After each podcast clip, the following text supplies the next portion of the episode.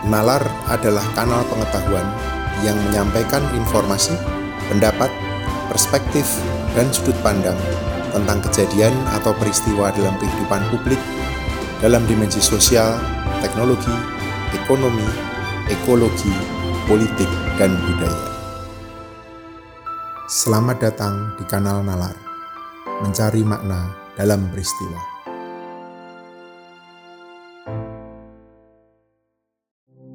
Saudara-saudara, dari tahun 1980 sampai tahun 2000, revenue pemerintah Jerman dari pajak perusahaan jatuh sebesar 50 persen. Meskipun laba perusahaan-perusahaan yang beroperasi di negara itu naik 90 persen. Di awal tahun 1999, Menteri Keuangan Oscar Lafontaine mengusulkan kenaikan pajak untuk membiayai pembaruan aparatur negara dan sistem kesejahteraan. Deutsche Bank, Dresdner Bank, Allianz, BMW, Daimler-Benz, dan beberapa perusahaan lain mengancam hengkang atas rencana ini. Atas desaan mereka, Lafontaine dipaksa mundur. Dalam pidato perpisahnya, ia bilang begini, hanya hati manusia yang belum diperjualbelikan di pasar bursa. Namun, momen itu akan segera tiba. Itulah potret nyata dari kekuasaan baru yang terlibat dalam globalisasi. Mereka yang masih menganggap lembaga-lembaga negara, dan pemerintah sebagai aktor yang paling berkuasa dalam masyarakat, rupanya mesti segera membarui gagasan mereka tentang filsafat, sejarah, dan ekonomi politik. Dan bersama itu juga gagasan tentang demokrasi. Selama ini, ketika bicara demokrasi, pengandainya adalah bahwa negara dalam rupa konkret pemerintah adalah pemegang kekuasaan tertinggi dalam masyarakat. Dari mana gagasan ini berasal? Gagasan ini muncul dari sejarah melawan monarki absolut. Misalnya monarki Bourbon di Prancis selama abad 17 dan 18. Dalam tata kekuasaan waktu itu, demokrasi merupakan gerakan untuk mengontrol kekuasaan monarki, terutama karena kekuasaan para raja-rajalah yang waktu itu punya konsekuensi paling besar terhadap hidup bersama.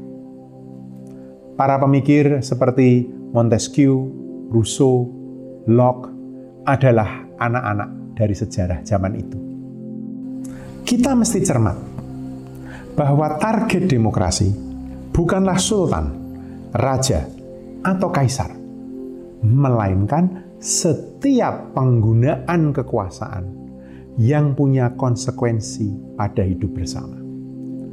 Bahwa pada abad-abad itu, sosok kekuasaan tersebut berupa raja, kaisar, atau aparatur negara modern itu adalah soal situasional, historical contingency, dan bukan keniscayaan logis atau logical necessity.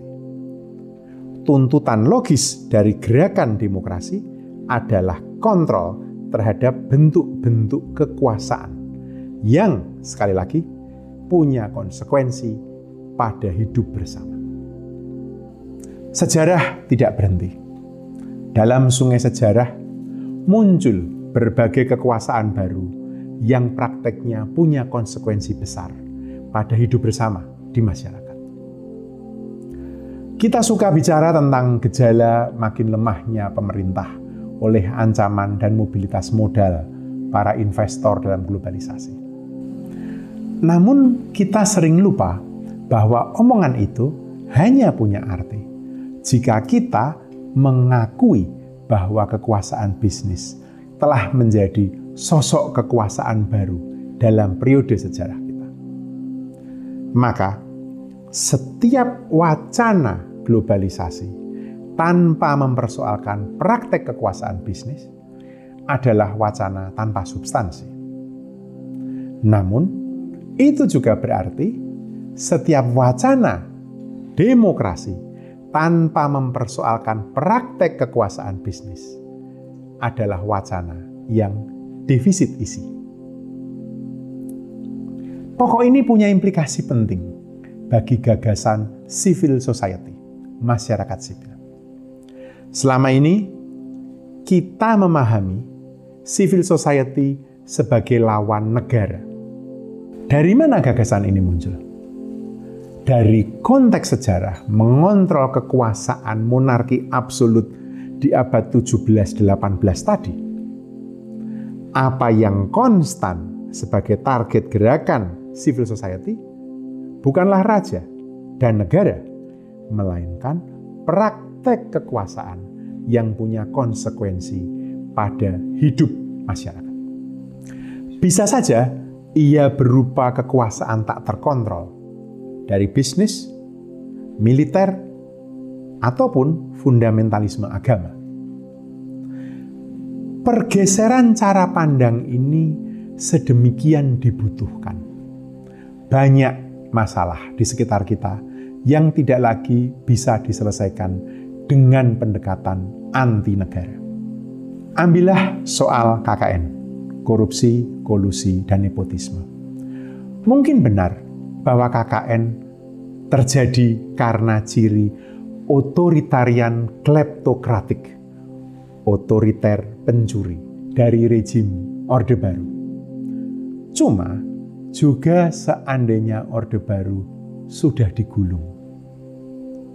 KKN akan tetap subur selama kita tidak mengenali bahwa gejala itu juga berakar dari ciri predatori parasitik, benalu pemangsa, berbagai pelaku bisnis yang bisa membeli polisi, wali kota, menteri, bahkan seluruh jajaran pengadilan. Karena itu, menyelesaikan soal korupsi, kolusi, nepotisme hanya dengan membersihkan aparatur negara. Dan agenda ini banyak dibawa oleh misalnya Bank Dunia dan dulu IMF. Tentu saja adalah solusi yang berat sebelah. Contoh lain adalah soal kerusakan lingkungan. Secara serampangan kita suka bilang bahwa kerusakan ekologis di Indonesia adalah akibat dari dominasi negara. Saya kira paling banter klaim seperti itu hanya separuh dari seluruh cerita. Separuh lainnya berasal dari praktek kekuasaan bisnis yang tidak terkontrol. Di Kalimantan Barat saja, 20 tahun yang lalu, kehancuran hutan diikuti oleh kerugian revenue negara sebesar 5,35 miliar per hari 20 tahun yang lalu. Jadi itu kira-kira 160 setengah miliar sebulan. 20 tahun yang lalu. Siapa yang melakukan? Kompas 1 Agustus tahun 2000 menulis, penduduk lokal didorong dan dimodali untuk menebang kayu oleh siapa? Berbagai kelompok bisnis. Kepentingan jangka pendek dari berbagai kelompok bisnis seperti itu telah menjadi apa yang disebut dengan penunggang bebas, free rider, pada sumber daya yang menyangga hidup bersama kita. Pola ini juga terjadi dalam gejala pelarian modal. Celakanya, Inilah praktek-praktek kekuasaan yang dipuja oleh sebuah isme ekonomi, yaitu neoliberalisme. Tapi bukankah kegiatan bisnis adalah kawasan privat? Bahasa latinnya res privata. Yang bertumpu pada kebebasan atau liberty dan bukan kawasan publik atau res publica yang terkena kontrol demokratis. Karena sifatnya privat, bebas dong untuk apa saja. Klaim ini kedengarannya menawan. Namun sebenarnya ia berdiri di atas sebuah kerancuan. Mari kita periksa klaim ini dengan bukti sederhana dulu. Tidak perlu memakai logika yang ketat. Apakah aktivitas dan praktek bisnis yang menyangkut deposito masyarakat, hutan penyangga ekologi kita, pengadaan sandang pangan kita, urusan kesehatan kita bisa disebut privat. Kegiatan dan praktek bisnis adalah kawasan publik. Dan karena itu, kriteria akuntabilitas demokratis juga tidak bisa tidak mesti diterapkan kepadanya. Seperti yang selama ini selalu kita terapkan pada aparatur negara. Tapi, kecuali BUMN, bukankah proses dan praktek bisnis berdasar pada hak milik pribadi atas modal?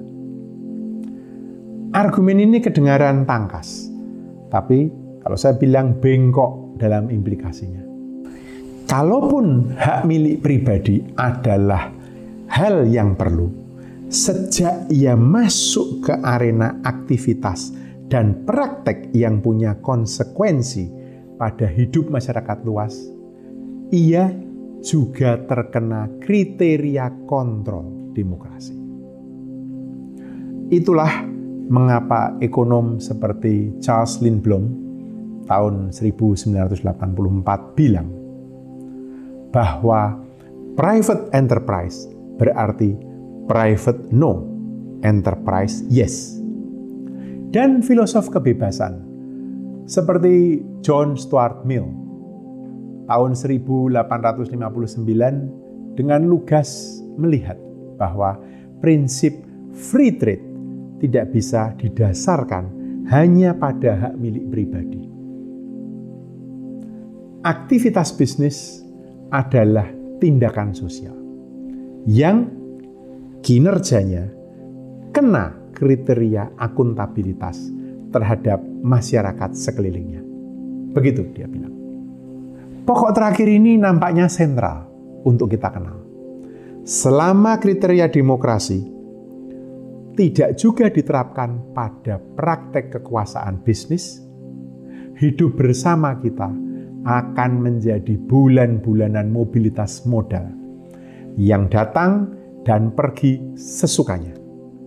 Dan lalu apa yang dikejar oleh kepentingan bisnis pada umumnya kehilangan kaitan langsung dengan proses survival, proses bertahan hidup dalam hidup bersama kita, baik lokal maupun nasional.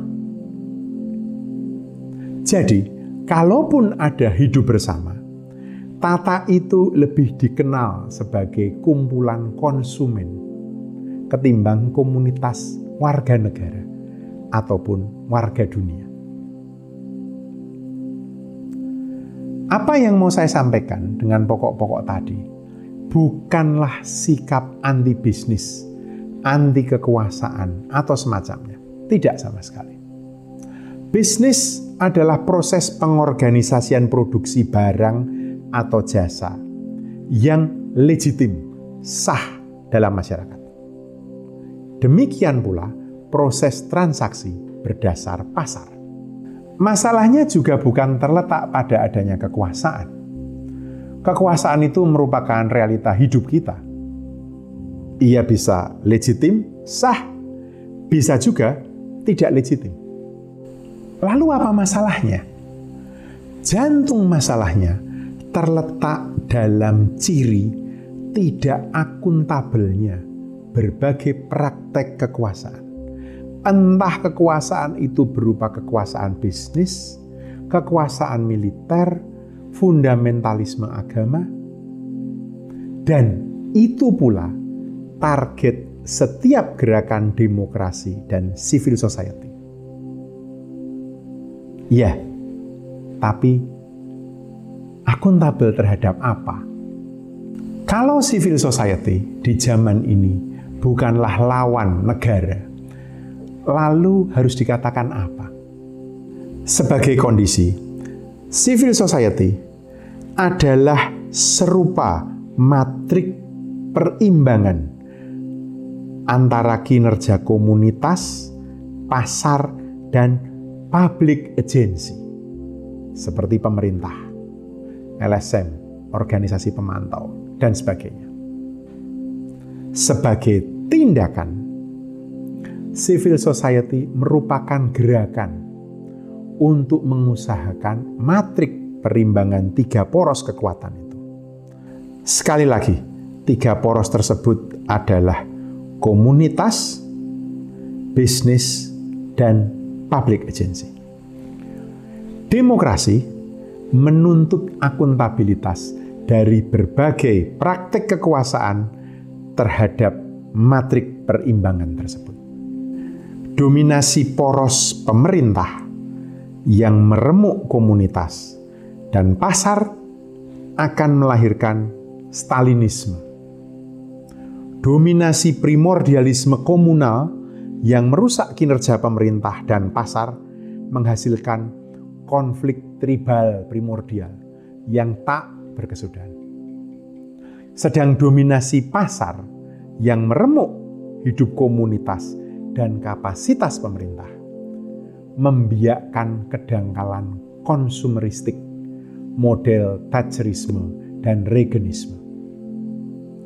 Globalisasi yang lolos dari kontrol demokrasi persis telah melahirkan gejala terakhir ini. Globalisasi memang wajah kondisi historis zaman ini. Kita bisa suka, kita bisa juga menolaknya.